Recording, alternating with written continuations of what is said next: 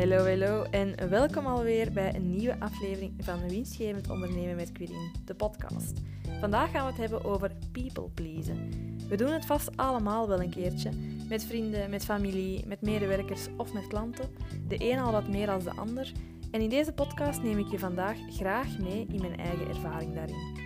En wat er vooral veranderd is sinds ik ontdekt heb wat de gevolgen daarvan zijn, zowel voor mezelf als voor anderen. Ik denk dat veel mensen zich wel herkennen in het concept van people pleasen. Je wilt mensen happy houden, je wilt je medewerkers tevreden houden, je wilt je klanten tevreden houden, je wilt goed doen voor je familie en voor je vrienden, je wilt een aanwezige vader zijn, je wilt een aanwezige moeder of vriendin zijn. Je doet dat allemaal om goed te doen, toch? De vraag is alleen, doe je daar ook iets goed mee? Dat gaan we in deze podcast bekijken. Want je wilt mensen helpen. Je gaat misschien op vrijdag toch nog naar een vriend zijn en drink, terwijl je eigenlijk nood hebt aan wat rust. Kortom, je zegt op heel veel dingen ja, terwijl je eigenlijk nee zou willen zeggen. Dat is zo met collega's, met medewerkers, klanten, dus zowel professioneel als privé gezien, familie, schoonfamilie, vrienden. Te vaak ja zeggen op dingen waar dat je eigenlijk nee wilt op zeggen. En waarom doen we dat? Dat is eigenlijk een stuk vanuit, ja, ik wil erbij horen. Je bent bang voor afwijzing. Je wilt geen negatieve commentaar krijgen over het feit dat je er niet bij bent, of dat je dat niet goed doet, of dat je niet kunt helpen. Je wilt je omgeving tevreden houden, want dat, dat vergt de minste weerstand. En vaak is dat iets dat we als kind al ontwikkelen. Als je goed doet voor anderen, dan krijg je te horen dat je flink bent, dat je verantwoordelijk bent, dat je het goed gedaan hebt. En daar is ook totaal no shame, geen schaamte over, want heel veel mensen doen dat. Ik verval daar zelf ook in. En dat is iets dat een beetje geconditioneerd is in onze maatschappij. De bewustwording dat ik hiermee wil brengen, is vooral dat het uw leven niet mag bepalen. En dat het u niet mag ongelukkig maken. Dat het u niet leeg mag zuigen. Want dan heeft people please een heel andere betekenis. Voor mij betekent people please iets doen voor anderen waar je zelf geen energie van krijgt, of zelfs vaak negatieve energie van krijgt, waar je helemaal plat of ontladen van terugkomt, waar dat je zelfs gefrustreerd van wordt, waar dat je eigenlijk echt ongelukkig van wordt. En dat is een heel groot verschil met het idee waar we van vertrokken zijn. De dingen doen voor anderen of voor de wereld om goed te doen, maar waar dat je zelf ook energie en voldoening uithaalt. En daar zit heel vaak de clue van het verhaal. Jij wilt mensen helpen, maar eigenlijk helpt ze er niet mee, daar kom ik zo op terug. Maar je zet jezelf dan achteruit in die zin dat je er geen energie van krijgt, of zelfs negatieve energie van krijgt. Wat wil zeggen dat je nadien extra tijd en ruimte moet hebben om ervan te bekomen. En dat is iets dat we uit zo'n automatisme geleerd hebben om te doen en daar vaak niet meer bij stilstaan dat dat op die manier een negatief effect heeft, zowel op degene die je eigenlijk wilt helpen, als op jezelf. En wanneer is people pleasen nu eigenlijk een probleem? Ja, enerzijds, ten eerste, als het vermoeiend wordt. Als je de indruk hebt dat je gewoon moe wordt bij het idee dat je dingen moet doen voor anderen. Of dat als mensen naar je toe komen, dat je denkt van, oh, ze zijn daar weer. Of, oh, het is weer van dat ik moet het weer gaan oplossen. Of dit of dat. Als het te vermoeiend wordt en als het niet zoiets is van, ik zal dat eens gaan aanpakken. Of, joepie, uitdaging, we gaan erin vliegen. Als het echt iets vermoeiend wordt, dan is people pleasing een probleem. Als je leven en je agenda wordt geleid door het people pleasen. Dat is een tweede fenomeen. Bekijk eens in uw agenda Check maar eens hoeveel zaken dat daar eigenlijk in staan vanuit please-gedrag. Voor klanten, voor medewerkers, voor uh, vrienden. Ergens naartoe gaan waar je eigenlijk geen zin in hebt, of uh, waarvan je weet, ja, eigenlijk past dat echt niet in de agenda, want we moeten ook al ergens anders zijn. Of uh, met medewerkers, ja, mag ik verlof? Ja, nee, eigenlijk komt dat echt niet uit, want een die en een die heeft ook al verlof. Maar ja, kom, en dan jezelf helemaal in bocht te wringen. Je moet een keer kijken hoe vaak je in je agenda of in je leven met please gedrag automatisch te maken hebt en dat je daar eigenlijk misschien zelfs niet bewust van bent. Ten derde, wanneer is people pleasen nog een probleem? Als het echt energie zuigt en je ongelukkig maakt. Dat is hetgeen wat ik er juist al zei. Er is een heel groot verschil met iets doen voor anderen vanuit een plezier of vanuit iets van ik gun die persoon dat of um, ik doe dat echt graag of ik kom daar zelf ook opgeladen van terug of ik maak hiermee een positieve impact. En iets doen voor anderen en eigenlijk al weten dat je er moe van terug gaat komen, dat je het eigenlijk niet wilt doen, dat je er eigenlijk geen energie voor over hebt, dus dat je daar eigenlijk ook gewoon niet toe in staat bent en dat het je echt ongelukkig maakt. Een vierde ding, waarom of wanneer people pleasen een probleem is, dat het een enorme druk op je schouders legt vaak. Ik zie zoveel ondernemers en niet-ondernemers met dingen zitten op hun schouders. Je ziet dat echt, dat, voelt dat maar een keer, hoe vast dat je schouders zitten. Met een bepaalde druk van wat er allemaal nog moet. En hoeveel dingen dat daarbij zijn vanuit een soort onbewuste please-drang. Zonder zich daar bewust van te zijn dat dat niet hoeft. Of dat dat ook op een andere manier kan.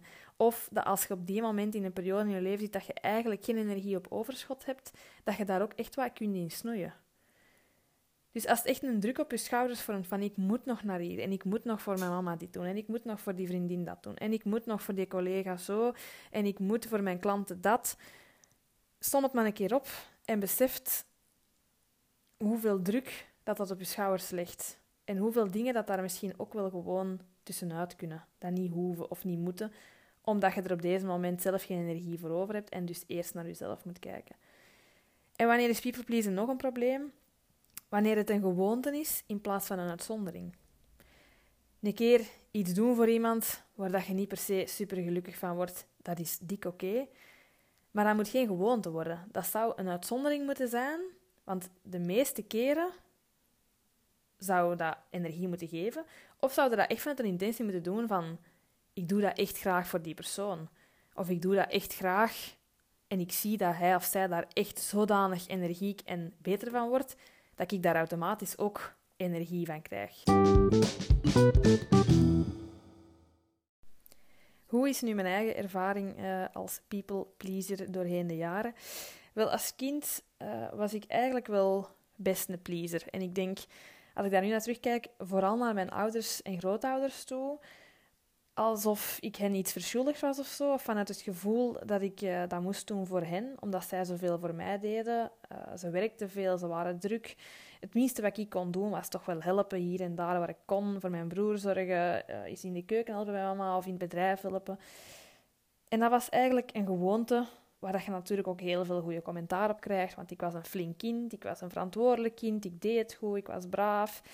En natuurlijk werkt dat verder zo door naar later toe en de jeugd en verder in het werkleven.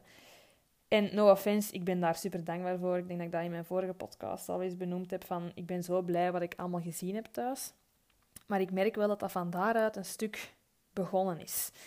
En dan voor vrienden, ik kan me echt herinneren, ik, ik haat pretparken. Echt, ik haat het. Ik word er overal altijd misselijk in. Ik vind dat niet leuk, zo'n helemaal in zo'n park hangen. En als er dan vroeger vrienden waren die dat dan een keer in de zomer eens deden, uh, dan zeiden mijn ouders, ja, ga een keer mee, hè, dan, uh, dan zie je een keer iets anders. En, dan... en ik ging daar dan mee, maar eigenlijk echt, ik deed daar niemand een plezier mee. Want ik was heel de dag zo mottig als een krap. En ik vond dat gewoon verschrikkelijk om heel de dag eerst lang in de auto te zitten, dan van attractie naar attractie, dan overal aan te schuiven. En dan om het helemaal af te maken, zo nog een hamburger of iets vettig binnen te steken, waar je dan echt nog zieker van wordt. Nee, ik vond dat maar niks, maar ja, ik deed dat wel gewoon. Want je wilt er gewoon blijven bij horen. Heel simpel. En naarmate ik ouder werd en zo zelf meer mijn eigen beslissingen maakte, dan sloeg ik er eigenlijk wel redelijk vaak in om niet zozeer echt een please-gedrag te hebben. Uh, naar mijn ouders en familie toe, dat, dat bleef wel. Maar zo met vrienden en, en in de studententijd en zo, kon ik eigenlijk wel redelijk vaak mijn eigen ding doen. En mensen die schrokken daar ook niet van, want ja, Quirin doe gewoon haar ding. En als ik iets niet leuk vond of zo, of, of ergens mee naartoe moest dat ik niet tof vond, dan, dan deed ik dat niet. Dat was heel simpel eigenlijk. En dat is eigenlijk altijd zo wel wat gebleven. Ehm, sinds het werken had ik, heb ik daar wel terug even een evenwicht moeten inzoeken met personeel. Um, omdat ik dan wel heel vaak de neiging had om alles te willen doen voor, om die mensen gelukkig te houden en om die mensen happy te houden. En dat ik dan ook soms wel verviel in wat ben ik hier nu eigenlijk allemaal aan het doen voor hun. Ehm, terwijl ik kan hen wel helpen met iets, maar het is niet aan mij om heel hun huisvesting uh, tot de telenet en engie-facturatie, tot alles, toeters en bellen, in orde te maken. Dat kunnen ze eigenlijk zelf wel en ze kunnen dan wel hulp inroepen als het nodig is. Maar daar kon ik dan ook wel soms moeilijk de grens in trekken van, ja, je wilt die mensen helpen en je wilt die mensen tevreden houden en je wilt dat die graag komen werken bij u. Waar is dan de grens tussen ik help ze en ik help ze, maar ik, ik word er zelf eigenlijk moe van. Dus daar heb ik wel terug even een evenwicht in moeten vinden, maar dat is ook gaandeweg, uh, naarmate dat ik een team had, wel vanzelf een beetje gegroeid. In het begin was ik een heel erge pleaser, dan, dan durf ik zelfs niet vragen als er iets fout was om dat op te lossen of om dat uh, opnieuw te doen, dan deed ik dat zelf. Maar naarmate dat je een groter team hebt, uh, grotere verantwoordelijkheden hebt, is dat vanzelf eigenlijk meegegroeid, uh, omdat je dat dan echt niet meer kunt permitteren. En dan wist ik ook wel echt dat ik zowel hen als mezelf er geen plezier mee deed om geen grenzen te stellen en om te blijven pleasen, want we raakten alle twee niet vooruit. Dus daar is dat eigenlijk redelijk uh, meegegroeid met de tijd.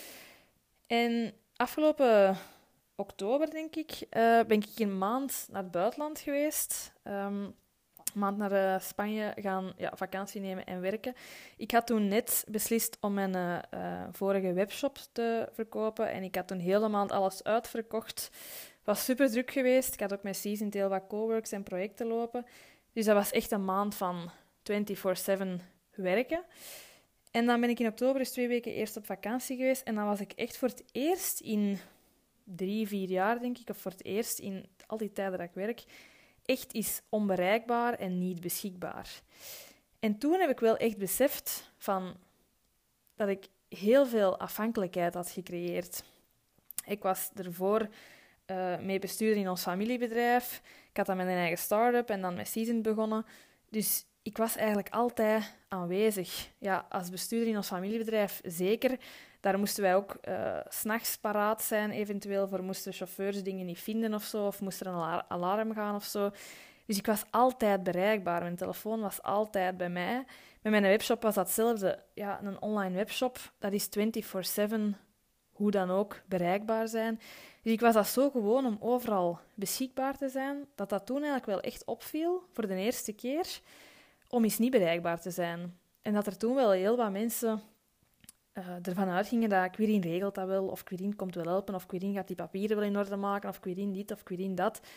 En dat ik toen echt eens twee weken niet met mijn telefoon bezig was, niet op mijn computer was en eigenlijk mijn mail ook niet opdeed. En dat ik toen ook wel besefte van, mensen zijn dat wel goed gewoon, en ik heb hen dat ook zo goed gewoon gemaakt. Dat ligt bij mij, dat zij dat nu allemaal aan mij komen vragen, en dat ik daar eigenlijk zelf altijd op geantwoord heb of altijd bereid was om te helpen. Maar dat ik daarmee echt een te grote afhankelijkheid had gecreëerd.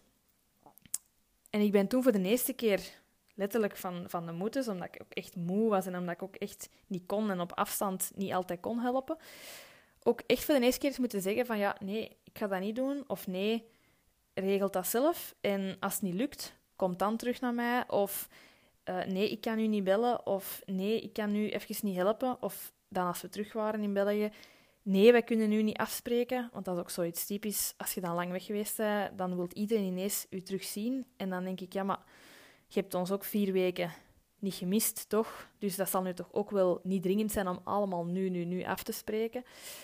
En dat we dan even bewust zijn van nee, we gaan niet afspreken, want dat lukt even niet, maar laten we gewoon even bellen. Of nee, deze familiefeest kunnen we er niet bij zijn, maar volgende keer zijn we er weer. En dat is de allereerste keer dat ik daar zo bewust mee bezig was om op dingen nee te zeggen. En dat geldt, zeg het voor ouders, voor familie, voor vrienden, voor personeel, voor klanten. Om echt te zeggen van nee, ik ben er niet of nee, ik ga dat niet doen. En dat was echt wel een, iets nieuws voor mij. Dat was echt wel een openbaring. Uh, en ik vertel het nu misschien wat dramatischer dan dat was. Maar ik besef nu, als ik daarop terugkijk... één, ik werd daar steeds beter in, naarmate ik dat meer deed. Twee, dat voelde goed om mezelf even op de eerste plaats te zetten. En vooral ook zo te tonen aan anderen dat zij dat ook moeten doen. Want ik besefte ook wel vaak dat ik dat preachte en dat ik wel zei van ja, je moet zorgen dat je zelf eerst in je energie staat en dan kun de rest helpen. Maar ik doorleefde dat niet altijd zelf. En door dat zelf te doen, gaf ik mensen nog echt wel het signaal van ah ja, maar ja, als zij dat doen, kan ik dat ook. En vooral een derde heel belangrijk iets wat voor mij echt people pleasen helemaal heeft veranderd, is ik besefte hoeveel zaken en patronen en relaties ik zelf in stand hield waar niemand beter van werd. In die zin dat ik heel veel mensen hun leeropportuniteiten ontnam met zelf mijn please-gedrag te hebben. Ik gaf adviezen of, of ik probeerde mee te bedenken als er iemand mij echt een groot probleem zat. En ik ging daar helemaal mee in op, terwijl eigenlijk mijn rol toen was luisteren en er zijn voor die persoon, maar niet per se alles proberen te fixen. Want dan leren mensen zelf niet meer nadenken en dan leren mensen zelf niet meer bedenken wat een oplossing zou kunnen zijn voor hun. En dat is mijn conclusie toen vaak geweest van ik was altijd de eerste die op alles ja zei en die dingen ging doen voor anderen, om dan te beseffen, ja, maar ik help die mensen daar helemaal niet mee. Ik help die echt niet met telkens voor hun een antwoord te gaan zoeken of telkens voor hun een oplossing te gaan zoeken. Mijn missie is om mensen te laten groeien en vooral om mensen krachtiger in hun eigen schoenen te zetten en ze daardoor ook gelukkiger te maken en meer bewustzijn te creëren. En met mijn people please gedrag zou ik echt niet bijdragen aan die missie. Want people pleasen houdt zoveel meer negatiefs in gang dan dat we soms denken. Enerzijds doen we het zelf vanuit een angst om er niet bij te horen of om, om weerstand te ervaren of commentaar te krijgen of om niet goed genoeg te zijn. En anderzijds ontnemen we leeropportuniteiten voor andere mensen. En wees daar bewust van. En natuurlijk, elke relatie is anders. Hè. Je hebt een andere relatie met ouders of familie of schoonfamilie of met vrienden of met personeel of met klanten. En daar zal altijd wel ergens nog, nog een please-kantje aan zitten. Dat is ook oké. Het is ook niet dat ik daar 100% van gevrijwaard blijf, maar er is zoveel nood aan meer vanuit een positieve energie iets doen. En dat people pleasen, dat is in mijn ogen echt vanuit een, vanuit een negativiteit iets doen. Ja, dat doen omdat dat zo hoort, of dat doen omdat dat moet, en er dan bijgevolg zelf gefrustreerd of lastig of uitgeput van geraken, daar helpt echt niemand mee op lange termijn. Zo, dat was hem weer. Ik hoop dat je er alvast heel veel inzichten uitgehaald hebt en vooral de bewustwording om een keertje vaker stil te staan bij of jij people pleased en wanneer je dat doet, bij wie dat je dat doet en of dat, dat wel degelijk iets positiefs is en of dat je dat op een andere manier kan doen. Want het begint allemaal bij onze eigen energie positief te houden en daardoor andere mensen te inspireren hetzelfde te doen. En andere mensen te inspireren om zelf ook eens na te denken of om zelf ook eens bewust stil te staan bij bepaalde gedragingen en patronen. En vooral zelf ook een keer nee te leren zeggen. Ik denk als we dat allemaal iets meer zouden doen, dat we allemaal veel dichter bij onszelf komen en bijgevolg een veel positievere wereld kunnen creëren.